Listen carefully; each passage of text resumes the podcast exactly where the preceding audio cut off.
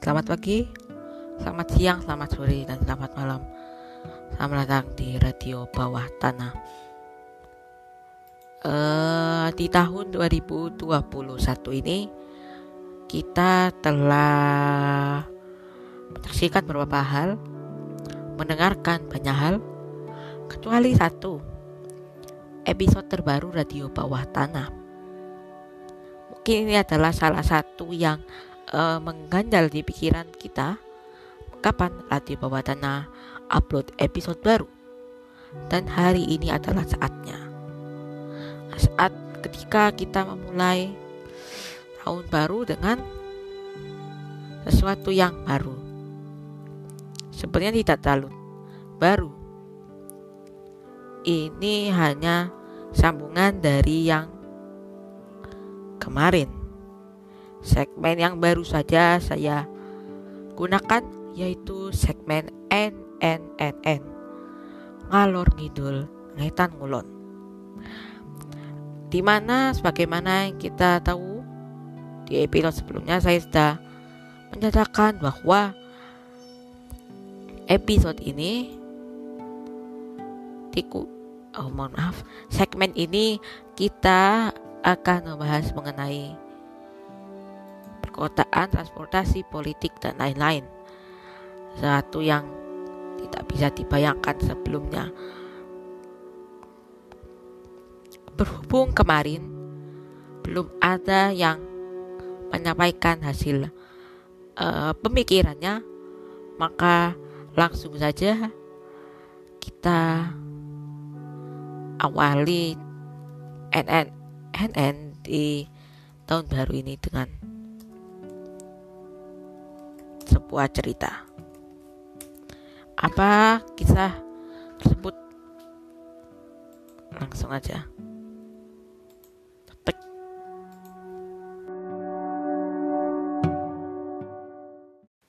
Ini adalah kisah tentang Haini. Dia seorang mahasiswa, blogger, dan jurnalis warga untuk stasiun radio. Fun fact time jurnalisme warga. Bahasa Inggris adalah citizen journalism.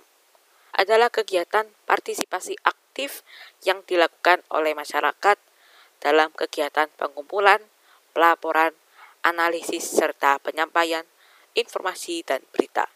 Dalam jurnalisme warga, masyarakat tidak hanya menjadi konsumen media, tapi juga bisa terlibat dalam proses pengelolaan informasi itu sendiri. Pelibatan itu meliputi membuat, mengawasi, mengoreksi, menanggapi, atau sekadar memilih informasi yang ingin dibaca. Teks ini bersumber dari Wikipedia dengan berjudul Jurnalisme Warga.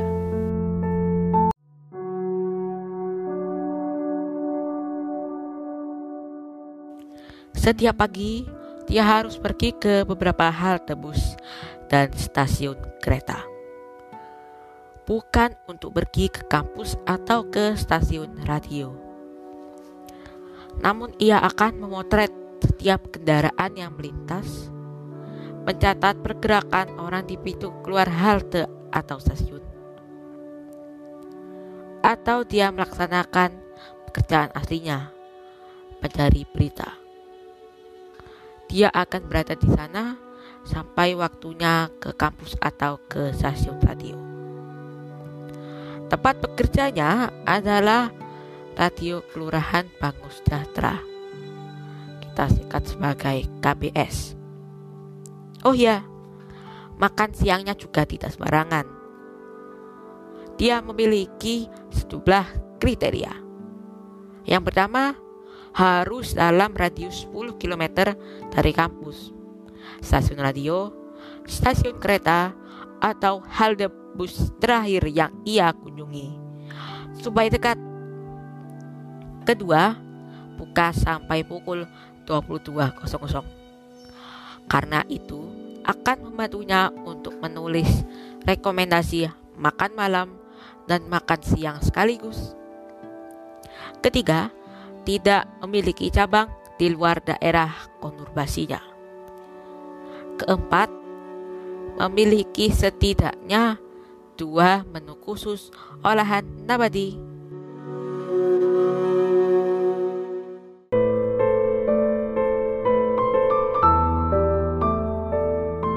Fun fact time.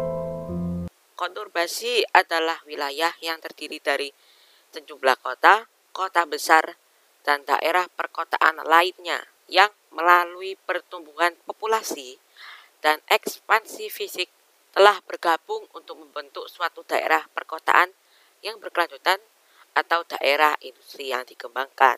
Dalam beberapa kasus, konurbasi adalah area urbanisasi polisentris, di mana transportasi telah berkembang untuk menghubungkan area untuk menciptakan pasar tenaga kerja perkotaan tunggal atau perjalanan ke arah kerja.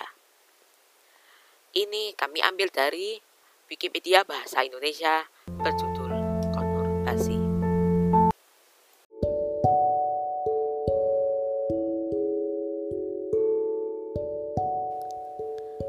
Dari sini kita bisa lihat si H ini adalah orang yang menyukai transportasi umum dan cukup memperhatikan para vegetarian.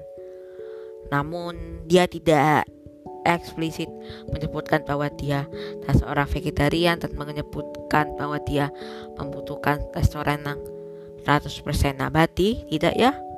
Jadi dia cukup memperhatikan. Lantas apa yang uh, bisa kita pelajari dari kisah fiksi ini? Ya sebetulnya tidak ada. Ini kan hanya kisah uh, fiksi biasa tapi kenapa kita perlu uh, membahas ini? Ayo. Kalau menurut saya ini adalah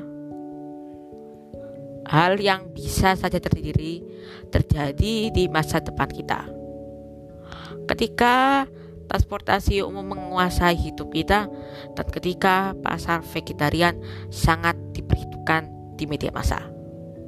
Kedua ini uh, perlu kita bahas dari sekarang bukan hanya bukan hanya sekedar untuk mewujudkan hal ini namun juga bagaimana sebaiknya kita mempersiap bagaimana harusnya kita menghadapi masalah seperti ini walaupun kita bukan sebagai pasar vegetarian bukan sebagai stakeholder yang menguasai segi transportasi sebagai masyarakat biasa bagaimana kita harus uh, menanggapi masalah ini. Lantas, apa ya? Kedua hal tersebut bisa menjadi indikator bahwa masyarakat dan pemerintah kita memperbolehkan dan membantu tersedianya pilihan. Pilihan untuk berpergian menggunakan apa? Makan dengan apa? dan sebagainya. Tentu saja bahwa uh, ini kan bahwa mulai dari sekarang memang dari dulu ah pemerintah telah memberikan kita kesempatan untuk menentukan pilihan kita sendiri. Namun ya uh, apa ya? Ini feel this is different thing. Pilihan untuk berpergian menggunakan apa? Ini ini yang benar-benar berbeda. Kalau kita misal makan dengan apa pagi ini kita makan dengan nasi atau dengan mie instan. Itu memang pilihannya sudah tersedia dari sekarang kita kesampingkan itu ya pilihan untuk berpergian menggunakan apa ini kan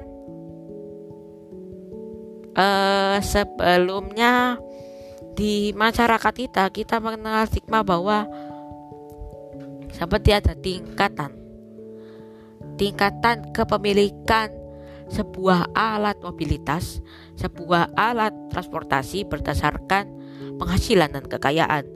Yang paling pertama adalah jalan kaki, kedua sepeda, yang ketiga sepeda motor, yang keempat mobil. Tadi dalam dalam sini kemudian ada perinciannya lagi, kemudian ada dibagi-bagi lagi sesuai peruntukannya atau kesehatan ini bisa berubah sesuai hal-hal yang lainnya juga. Tapi kita bahas sederhana aja yang ini dulu. Dan itu telah menjadi sebuah stigma yang mengakar di masyarakat kita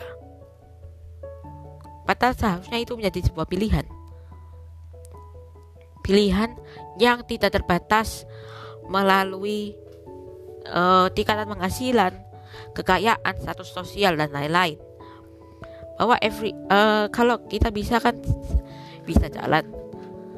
Kalau kalau kita mau bisa ya ya bisa naik sepeda.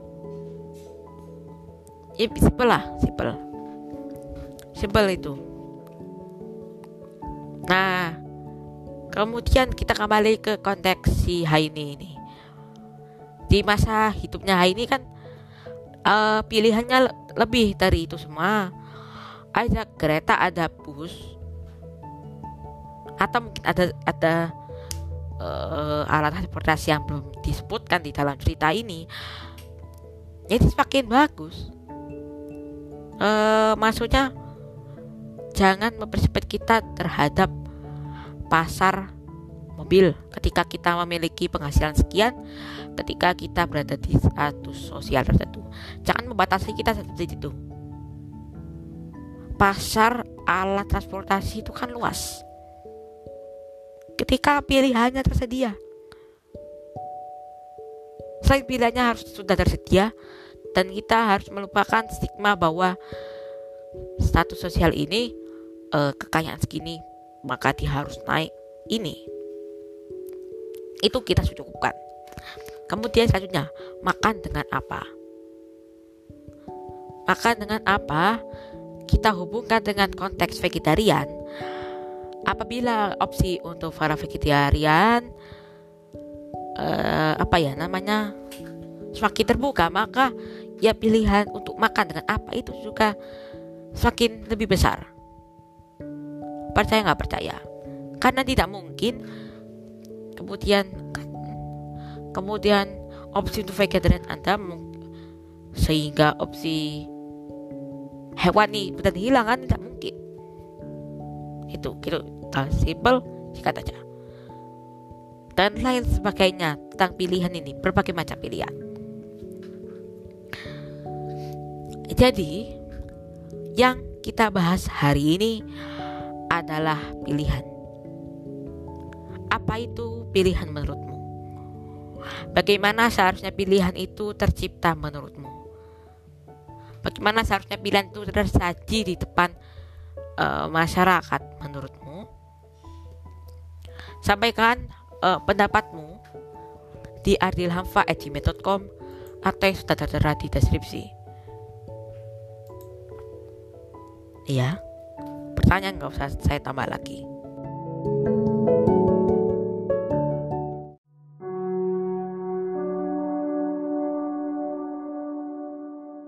Dan begitu saja episode NNNN yang belum yang judulnya adalah pada sebuah radio.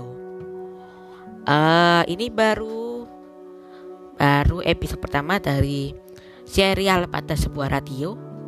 Nanti bisa kita tambah-tambah lagi di masa mendatang. Apabila ada saran untuk episode pada sebuah radio selanjutnya, atau bahkan di dalam lingkup segmen ngalor ngidul ngetan kulon NNNN ataupun yang lain seperti RBD itu bisa disampaikan di ardilhafa.gmail.com atau tertera pada deskripsi sekali lagi saya sampaikan itu ya ngomong-ngomong soal RBD itu kenapa tidak upload lagi ya sekali-sekali kita upload yang lain nanti ada lagi Terima kasih sudah mau mendengarkan sampai di sini. Uh, memang episode ini agak rancu dan menyerahkan semuanya kepada pendengar. Namun saya harap nanti ada aksi atau tanggapan yang bisa kita dapatkan dari sini, yang bisa kita berikan dari sini sebagai bagian dari perjalanan radio bawah tanah terutama pada sel NNNN.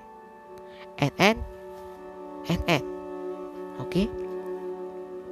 tidak perlu disampaikan uh, tidak ada yang perlu disampaikan lagi kita sudahi saja sampai di sini dan jangan lupa selamat pagi selamat siang selamat sore dan selamat malam. Dari radio bawah tanah